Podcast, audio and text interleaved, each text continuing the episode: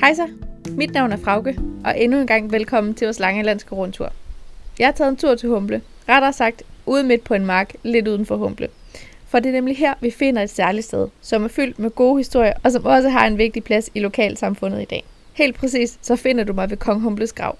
For at finde ud af, hvem ham her Kong Humble egentlig var, og om han rent faktisk ligger begravet lige her, har jeg talt med Sigurd Bor, der er arkeolog ved Langelands Museum. Og vi starter lige med at få historien om ham her Kong Humble. Det er jo faktisk nogle af de helt øh, gamle savn fra, fra Danmarks gavelse nærmest. Det var Humte, hed faren til Angel og Dan. Dan, som man jo sagde, der faktisk grundlagde Danmark, ikke? og Angel, som øh, hvis efterkommer senere gav navn til, til England, altså Angel og England. Dans sønner hed også Humble og Lothar, og det var ham her, kong Humble, man mener, at øh, kong Humble grav var opkaldt efter.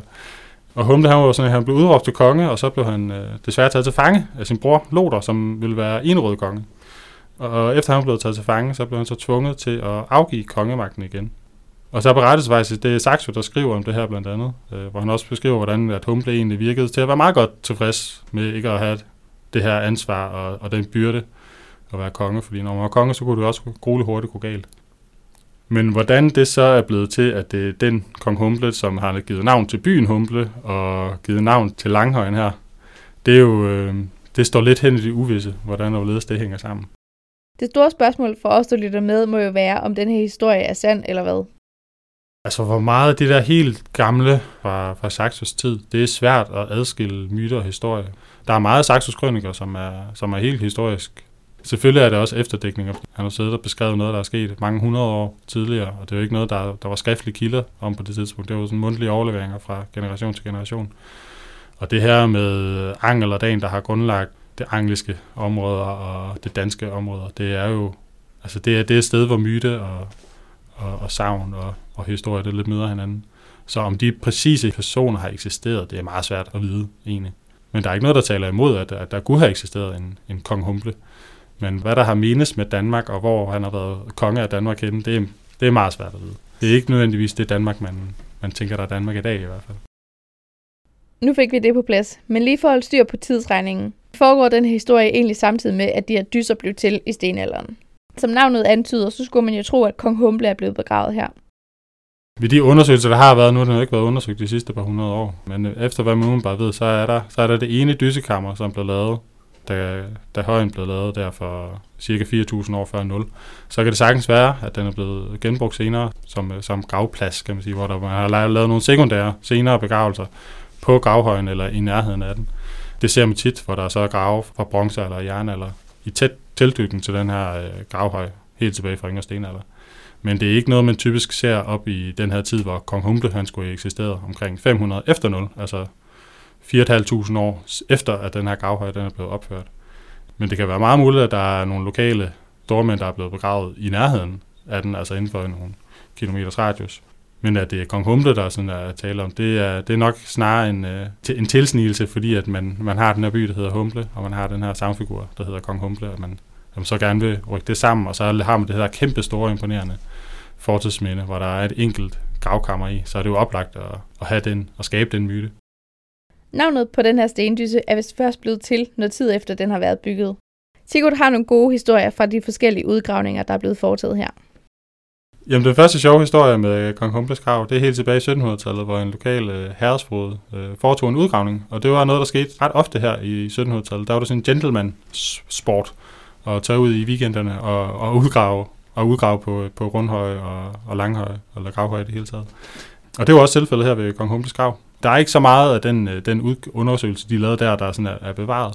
Men det, det bemærkes, at de fandt en øh, knogle fra en kæmpe, som var sådan noget, man egentlig hele vejen op, altså langt op i 1800-tallet, tit bemærkede, når man lavede udgravninger på gravhøje, at knoglerne var en normal størrelse, fordi at, øh, der var en masse myter dengang omkring, at, at de her kæmpe store gravhøje, de var bygget af, af, nogle, af nogle kæmper, som er, altså er meget, meget store mennesker. Fordi hvordan skulle de altså kunne bygge noget, der er så stort og flytte de der store sten? Men her i Kong Humles grav, der, øh, der fandt man faktisk en kæmpe knogle. Det viser sig senere at være fra en ko. Så der var ikke, øh, det var nu ikke nogen kæmpe. Og så var der også øh, nogle udgravninger igen op i, øh, længere op i 1800-tallet, så den har været, den har undersøgt det flere gange. Og der blev det her ene dysekammer, som altså er cirka midt i højen, det blev faktisk udgravet der i, i 1800-tallet, og der blev udtaget nogle knogler som, øh, fra, fra en menneske, fra en menneskegrav, som var, de var helt normal menneskestørrelse. Og så den seneste sådan, undersøgelse, der har været, det, det er helt tilbage til 1875. Siden der, der har været en lyst og en vilje til at udgrave i 1700-1800-tallet, på, altså rent for at finde ting, for at, at få, få ting op i jorden og se, hvad der er. Og senere har vi op i 1900-tallet, har man også haft en vilje og lyst til, til at udgrave for at blive klogere, hvor arkeologien mere er blevet en, en videnskab, kan man sige. Men i dag, der går man jo meget efter, der går man ikke så meget efter at begynde at udgrave det, der stadigvæk er bevaret. Der vil man langt hellere bevare. Så vores fokus på Langhøjen, Kong Humbes grav i dag, det er at bevare den så vidt muligt. Og når Sigurd han fortæller om den her balance med at finde ny viden og bevare mange af de her historiske vartegn, så er der en spændende fortælling at knytte til den her balance. I starten af 1900-tallet, hvor den her langhøj faktisk var ved at blive destrueret mere eller mindre, hvor der var, der var allerede blevet taget nogle, øh, lavet nogle boringer ind i nogle af stenene, som skulle øh, sprænges i stykker for, for at bruge i byggeri. Og det, det, det var Jens Winter, der fik, der fik stoppet det, og, og fik talt for, at den skulle bevares, som den var, og ikke, øh, ikke skulle destrueres.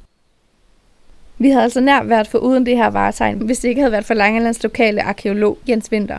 Hvis du vil læse mere om den her lokale ildsjæl, så har Langelands Museum netop udgivet en bog om Jens Winter. Når du er klar til at tage videre på tur, så anbefaler vi, at du tager et smut forbi på Strand. Her kan du blandt andet opleve en mindesten fra 1945, hvor ca. 1500 russiske og franske krigsfanger støtte på grund med deres flydedok lige uden for Påge Strand. Til en tur videre i området finder du aktiviteter og mere viden om blandt andet den her mindesten på langeland.dk, og det er også her, du finder resten af vores podcast-serie. Hvis du skulle have lyst til at dele din oplevelse, så er du altid velkommen til at tagge os på Instagram. Tak fordi, at du tog med på opdagelse. Jeg håber, at vi snart lyttes ved.